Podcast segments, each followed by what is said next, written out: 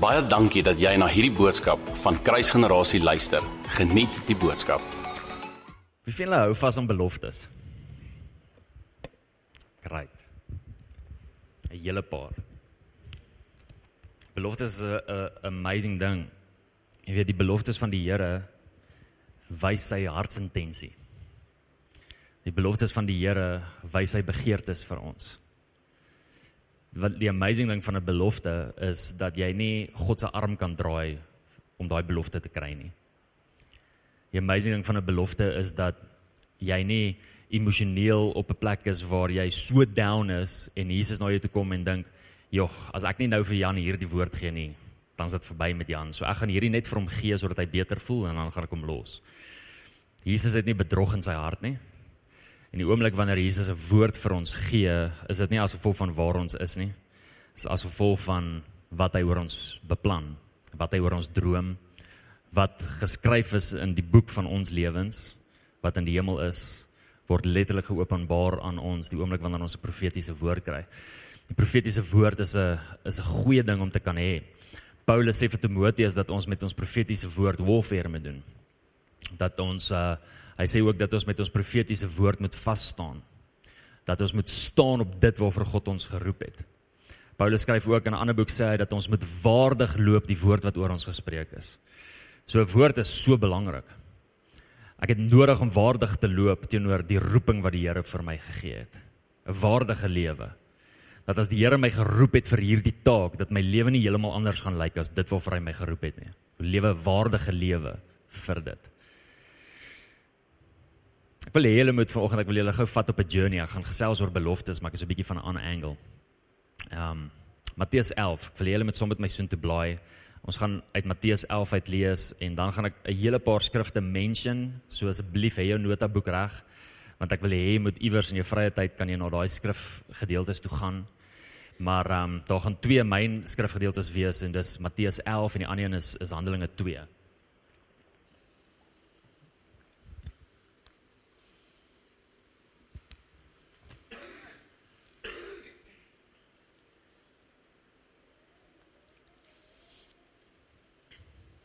Reg oor die Ou Testament is daar ongelooflik baie profetiese woord van 'n Messias, van 'n redder, van 'n koning wat op pad is.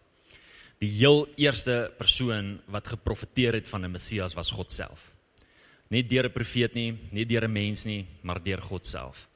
God was die een gewees wat in Genesis 3 gesê het en die saad van die vrou sal jou kop verbrysel daardie saad verwys na Jesus Christus.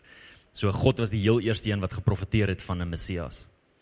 So reg van die begin af in Genesis 3 tot en met die laaste boek in Maleagi is daar konstante herinnering van 'n Messias wat op pad is. Van 'n redder wat op pad is, van 'n koning wat op pad is. Gaan kyk byvoorbeeld na 'n hele paar van hierdie um beloftes in Psalm 2 Psalm 45 tot 48. Met ander woorde Psalm 45, 46, 47 en 48 profeteer alles oor 'n Messias wat op pad is. Jesaja 9 vers 1 tot 7. Hierdie is die gedeelte waar jy nou vinnig skryf. Jesaja 9 vers 1 tot 7, Jesaja 11 vers 1 tot 10. Jesegiel 37 vers 22. Daniël 7 vers 27. Sagaria, skus Stefania 3 vers 15.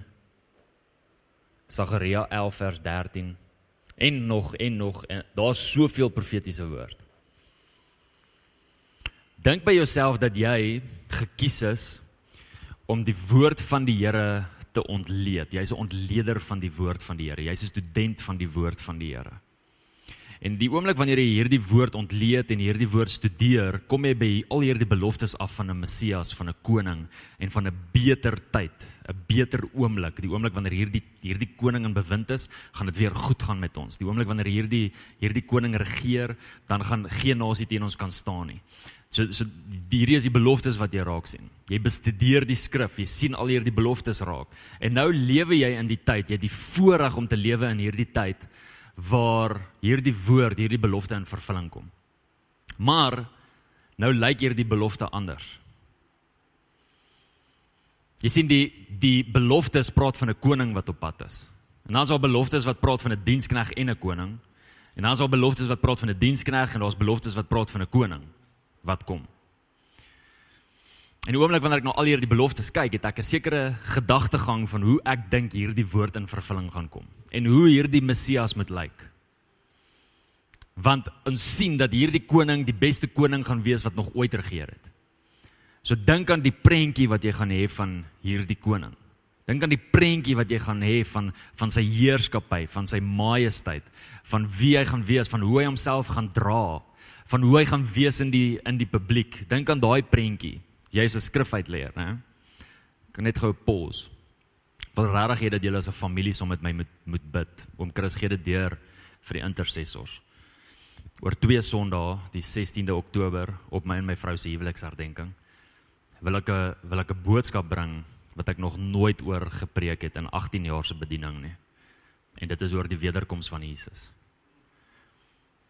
Ek ek was so naby om vandag daaroor te bedien. Maar ek het in my gees gevoel ek is net nog nie reg nie. En die rede hoekom ek in 18 jaar nog nie daar gepreek het nie, sal julle dalk oor daai oor daardie Sondag hoor. Maar ek luister 'n preek in in die week van iemand. So kom ek sê, kom ek gee 'n konteks. 3 weke terug sê iemand vir my, um kom Jesus regtig terug. En ek soos uit die veld uit geslaan. Want soos 'n stupid vraag is dit. Kom Jesus regtig terug? Maar ek kan sien die persoon is ernstig. Kom hy regtig terug? En ek sê vir hom ja. Die skrif sê hy kom terug. En hierdie ou begin vir my redes gee oor hoekom Jesus nie terugkom nie. Stuur vir my 'n preek aan. Gaan luister na na hierdie preek. Jong ouetjie.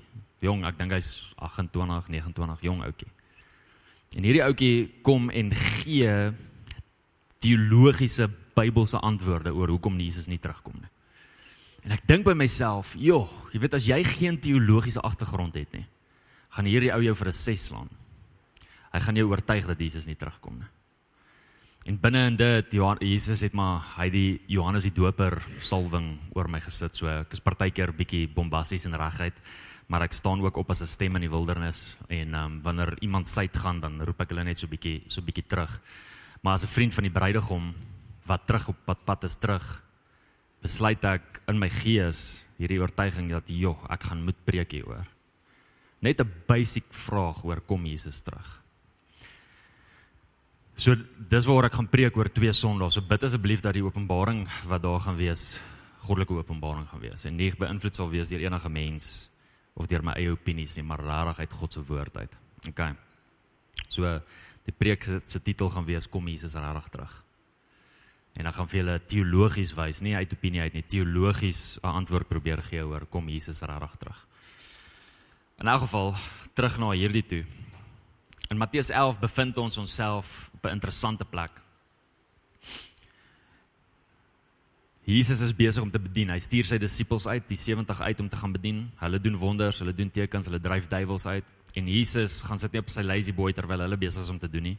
Jesus is besig om te bedien en te preek en te genees en duiwels uit te dryf. Dis wat hy besig is om te doen en Johannes die Doper stuur mense uit na hom toe om te vra of hy die Messias is wat kom. Is jy die een? Is jy die een wat sou kom?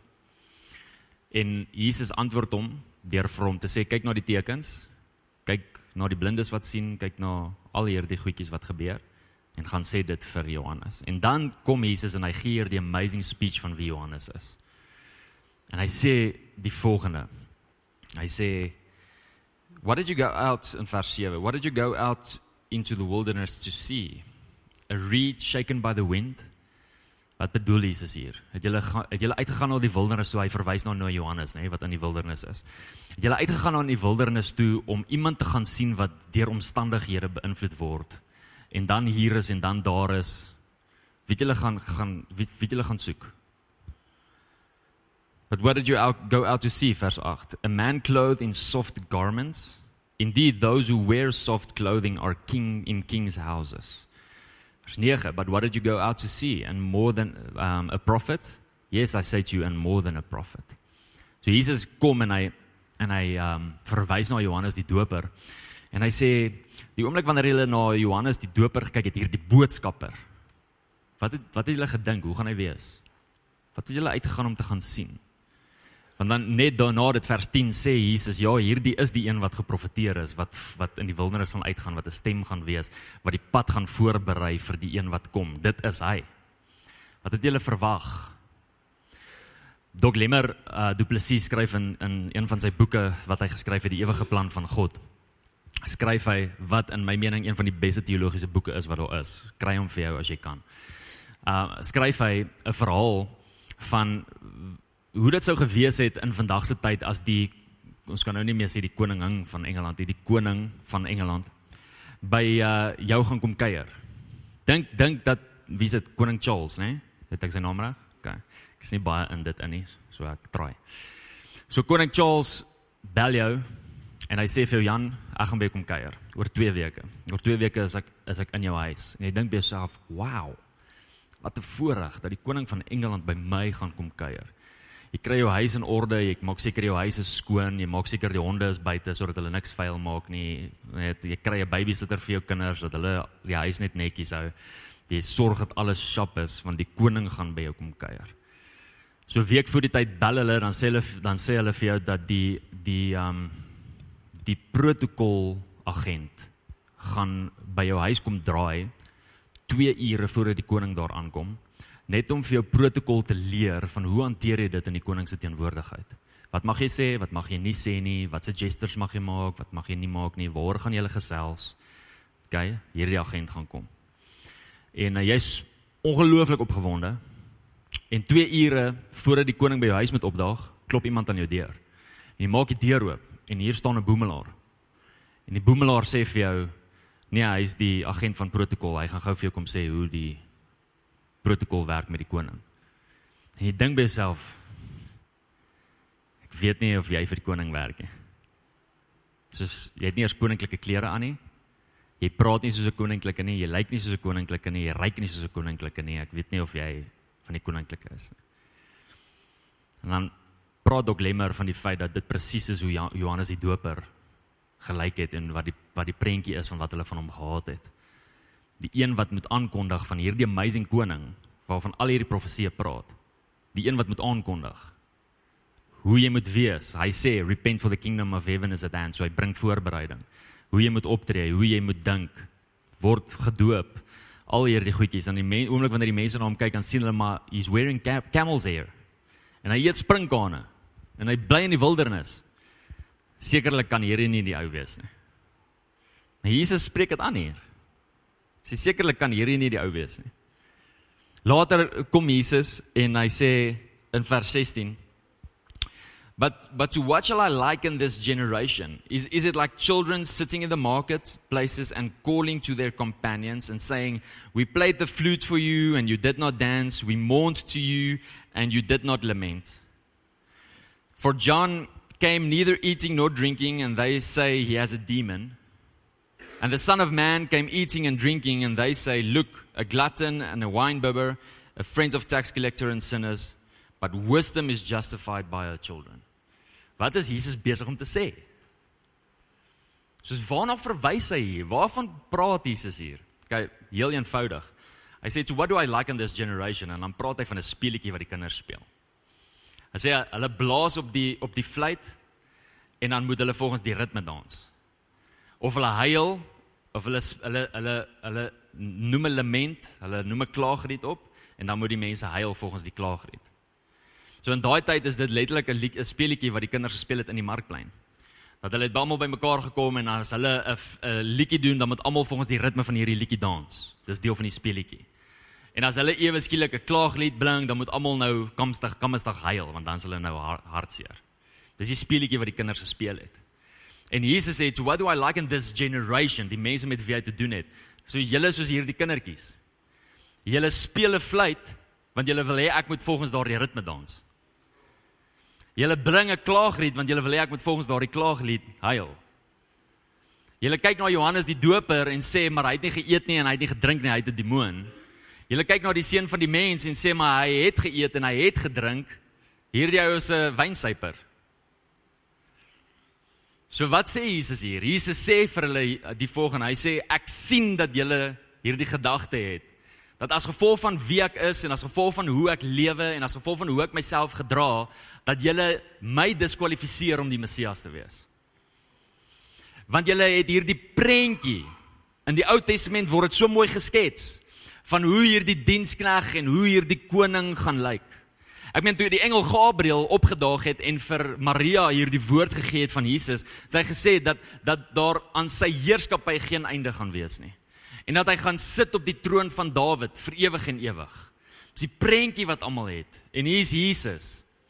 Jesus word in 'n stal gebore. Jesus het geen plek waar hy sy kop kan neerlê nie. Jesus kan nie die tempeltaks betaal nie, hy moet dit gaan kry in 'n vis se mond.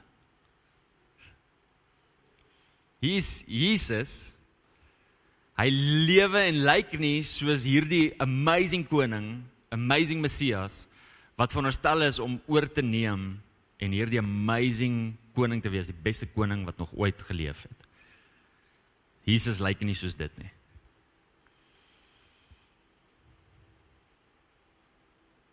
Hoe wat moes die Messias gedoen het? Ja, wat was hulle prentjie van wat moes die Messias gedoen het? Die Messias moes gekom het en hy moes die koninkryk vestig. Dit was die prentjie wat hulle gehad het. So hulle hulle kyk na Jesus en uh in Johannes 6 byvoorbeeld in Johannes 6 sien ons dat Jesus kom en hy en hy ehm um, breek die brood en die visse en en hy gee dit vir die mense uit en daar bly hordes oor die vermeerdering van die brood en die vis. In Johannes 6 vers 15 staan daar en Jesus sien dat die mense hom met geweld wil koning maak. En hy onttrek homself na die berg toe.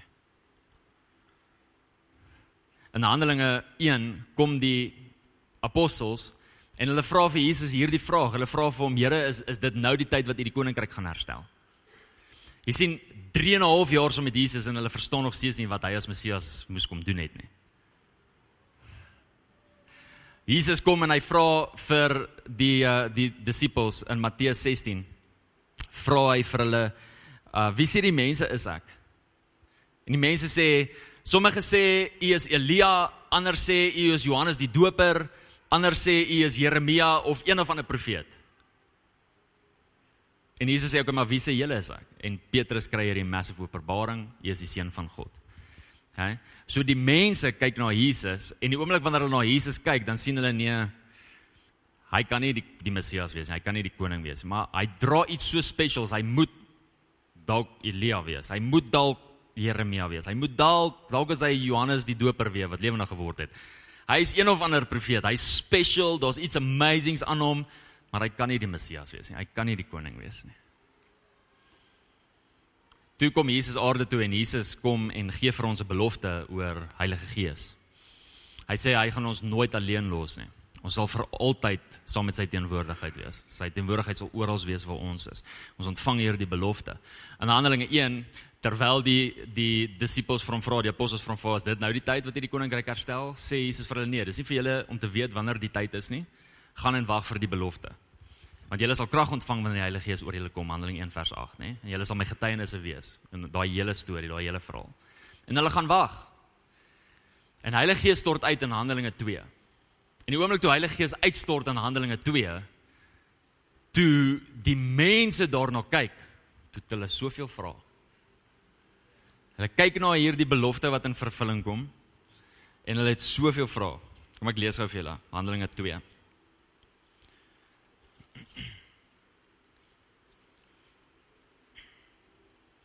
Vers 12 en 13. So they were all amazed and perplexed, saying to one another, What could this mean? Vers 13. And others mocking said, they are full of new wine. so so Jesus kom. Hy gee belofte. Hy sê dat die Heilige Gees oor julle gaan uitstort want julle kan nie alleen in hierdie wêreld wees nie en ek wil julle bekragtig en ek wil hê julle moet altyd my teenwoordigheid saam met julle dra. So hier is hierdie amazing belofte. Hierdie belofte kom in vervulling en die oomblik toe die mense hierdie belofte sien, is daar van die mense wat amazed is en ander mense wat spot. Sê nee. Hierdie ouens gedra hulle selfs soos dronkaards. Hierdie ouens gedra hulle selfs soos mense wat gesuip is. Dit is my so amazing, die oomblik toe Petrus opstaan, toe sê hy nie vir hulle manne van Jerusalem, manne van Israel. Hy sê dit is onmoontlik dat ons dronk is want ons drink nie. Wat sê hy? Dis onmoontlik dat ons dronk is want dit is nou eers 9:00 in die oggend. Dit is my interessant. Ek sorry, gooi dit maar net daar uit. Dit was my interessant. Wat wat probeer ek vanoggend vir julle sê? Ek weet ek praat dalk draaitjies. En baie van julle het dalk nog nie konteks oor waarvan ek praat nie. Hierdie is wat ek vir jou wil sê vanoggend. Is wat as jou belofte nie lyk soos wat jy gedink het dit lyk nie? Wat as julle het julle hande opgesteek vir woord, julle het julle hande opgesteek vir beloftes? Wat as jy hierdie woord ontvang en jy het hierdie woord vir jou beloftes en jy hou vas aan hierdie belofte en jy is opgewonde oor hierdie belofte en jy herinner die Here die hele tyd soos Jesaja 62 vers 6 sê ons moet oor julle wat die Here herinner aan julle beloftes moenie stil bly nie. Jy herinner hom die hele tyd daaraan. So jy het hierdie prentjie van jou belofte. En nou kom jou belofte in vervulling. En nou lyk jou belofte glad nie soos wat jy gedink het. Dit gaan lyk nie. Hoe gaan jou gesindheid wees? En gaan jy steeds op 'n plek wees waar jy God vertrou in die feit dat dit die belofte is of gaan jy hierdie belofte afskiet? Die die grootste belofte wat in die woord van God staan, die koms van die Messias. Daar's nie 'n groter belofte as dit nie. Daar's nie iets wat meer geprofeteer is as dit nie. Dis die grootste belofte wat daar is. En die oomblik toe Jesus daar is en op die sien is, toe diskwalifiseer hulle hom en sê dit kan nie jy wees nie. Die belofte is daar in vlees voor die mense kan nie jy wees nie. Jy lyk nie soos 'n koning nie, jy gedra jouself nie soos 'n koning nie. Jy kuier saam met tollenaars en jy kuier saam met sondaars. Dit kan nie jy wees nie. Jy's veronderstel om 'n koning te wees en jy het nie eers 'n plek om jou kop neer te sit nie. Jy's veronderstel om 'n koning te wees en jy het nie eers geld om die tempeltaks te betaal nie. Dit kan nie jy wees nie. Kyk na die een wat jou aangekondig het. Hy het nie eers koninklike kleed aan nie. Hy praat nie eers koninklike taal nie. Hy eet sprinkane. Dit kan nie jy wees nie. Die belofte van die Heilige Gees. Die mense kyk hoe gedra hulle hulle self. Hulle gaan so te kere. Dit lyk of hulle gesyp is. Dit kan nie God wees nie. Kan nie die Here wees nie. Die Here maak nie so nie. Die Here is 'n God van orde. Die Here is is 'n is 'n gentleman. Jy weet, mens lag nie in die kerk nie. Dis mens huil, mens lag nie. Vir een of ander rede is dis oukei okay om te huil. Huil, o, oh, die Here is besig met daai ou, ai shame, kyk hoe hy ly. Maar as jy lag, ai, hoe daai is besete. Kyk hoe lag hy. Maak 'n bespotting van die Here. So asof huil beter is as lag. Ek ek kies om te lag voordat ek huil. Ek wil net vir julle dit sê. Weet jy dat daar geen traan in die hemel is nie? Die woord sê dit. Daar's geen traan in die hemel nie. So as die hemel my raak, hoekom verwag ek dat ek moet huil?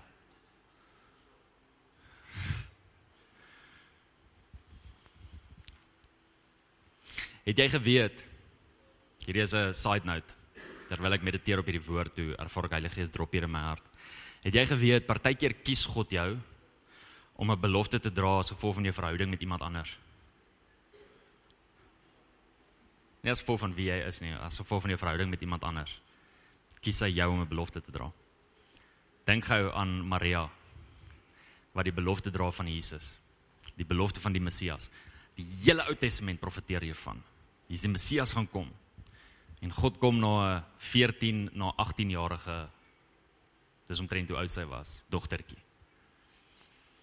En kies haar om hierdie belofte te dra. Maar die belofte sê dat hy in die lyn van Dawid gebore gaan word. In die bloedlyn van Dawid. Het, is Maria in die bloedlyn van Dawid? Nee. Maar haar man is Josef. En die oomblik as jy gaan kyk na die genealogy van Jesus, dan sal jy sien dat Maria se naam nie eens genoem word nie. Dit is Jesus. Josef. Josef se pa. En dan gaan hy af tot en met Adam. Maria was gekies as gevolg van haar verhouding met Josef. Het God haar gekies om 'n belofte te dra. Ek weet nie of julle dit vang nie, maar gooi dit daar. En dan aan van ander ander kant om ook, hoor gou hier. Partykeer kies God jou om deel te wees van sy storie, selfs al het jy niks te doen nie. Mind blowing. God God kies jou partykeer om deel te wees van sy storie, selfs al het jy niks te doen nie. Kom ons kom ons wees eerlik. As ons kyk na die lewe van Josef, Jesus se pa, het hy enigiets gedoen. Hy het nie vir Maria swanger gemaak nie. Hy het niks te doen gehad met die belofte nie. Sy enigste ding oor hoekom hy gekies was is hy was gebore en hy was in die bloedlyn van Dawid en God het hom gekies. God het hom deel gemaak van sy storie en hy het niks te doen nie. Ons lees van hom want hy's Jesus se pa, dis hoekom ons van hom lees. Maar hy het niks te doen nie. Wees encouraged met die feit dat God vir jou 'n belofte kan gee as gevolg van jou verhouding met jou man. God vir jou belofte kan gee as gevolg van jou verhouding met jou vrou. God vir jou belofte kan gee as gevolg van jou covenant wat jy het met met 'n broer. Dat God vir jou belofte kan gee as gevolg van jou verhouding met iemand. Want sy intensie is vir die ander persoon, maar jy het die voorreg om daai belofte te dra. Wees ook encouraged in die feit dat God jou kan gebruik selfs al doen jy niks. Dat jy kan deel wees van sy storie, selfs al beteken jy niks vir sy storie nie. Sien sien jy dat dit gaan as groter as net ons. Ons dink maar, "Wag, ek wil hê die mense moet my onthou." Wat as die mense jou onthou omdat jy niks gedoen het nie? jy was daar. Ons hou ons, ons onthou vir Josef want want hy was daar. Hy het niks gedoen nie, maar hy was daar. En ons onthou hom want God het hom gekies. Nie omdat hy oulik was nie, nie omdat hy almoses gebring het nie, nie omdat sy offers op datum was nie. Dis nie hoekom God hom gekies het nie. God het hom gekies want hy was in die bloedlyn van Dawid. God kyk oor ons. Maria kry 'n belofte, ek gaan afsluit met hierdie. Maria kry 'n belofte en ons dink, "Wow, wat 'n voorreg dat die God van dink aan hierdie, die God van die heelal die God wat alles geskaap het, die woord van God leer vir ons Johannes 1 vers 1 tot 3, Kolossense 1 vanaf vers 15 tot 20. Jesus het alles geskape. Alles is uit die mond van Jesus uit. Ons lees die verhaal van Genesis en ons dink dat die Vader het alles geskape. Op die Nuwe Testament kom en wys vir ons dat die woord alles geskaap het. Jesus het alles geskape. So die een wat alles geskape het, kom woon in die een wat hy geskape het hy het Maria in ingespreek, in lewe ingespreek. Maria kom uit Jesus se mond uit en Jesus kom uit Maria se baarmoeder uit. En ons dink die oomblik wanneer ons dit hoor, wow, wat 'n voorreg. Weet julle dat vandag nog, nie die Jode nie, maar die Katolieke, hulle aanbid Maria, sy's 'n afgod by hulle, as gevolg van die feit dat God in haar gebly het. Nou hoor my mooi, ek sê nie ons moet vir Maria aanbid nie, maar daai reverence en daai eer wat hulle vir haar gee, is so mooi. Want sy het die voorreg gehad om God te dra. Hoe vat jy die een wat alles geskape het en sit daai een binne in 'n baarmoeder? Hoe doen jy dit? Verstaan julle hierdie groot wonderwerk? En ons sien hier die voorreg en ons sien hier die eer en en Gabriël kom en sê vir Maria, jy is gekies bo al die vroue is jy gekies. Is so amazing kyk, dis great, dis mooi. Dis 'n amazing blessing, is 'n amazing belofte. Het jy al gedink hoe moes Maria geloop het in daardie tyd? Want die die wet sê in Deuteronomium 22 dat enige vrou wat saam met 'n man slaap voordat hulle getroud is, moet gestenig word. Het jy geweet dat die wet sê dat 'n kind wat gebore is buite wedlock Met ander woorde, as iemand nie getroud is nie en hulle konsiewe kind, daardie kind mag nie in die tempel gaan nie. Dis wat die wet sê. So dink hoe moes Maria gedra het die mense, die Jode wat almal bewus is van die wet, sien en weet sy en Josef is nog nie getroud nie en sy het hulle maagie.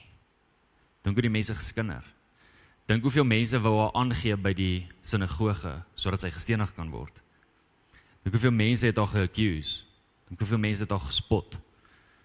Maar ons sien die blessing. Maria ja, deur 'n tawwe tyd gegaan. Deur daardie woord te dra. En soveel keer kom die Here en hy gee vir ons 'n belofte, hy gee vir ons 'n woord. En die oomblik wanneer daardie woord daar is, daai belofte daar is, dan gaan ons deur 'n tawwe tyd. En dan dink ons dat die tawwe tyd die belofte diskwalifiseer.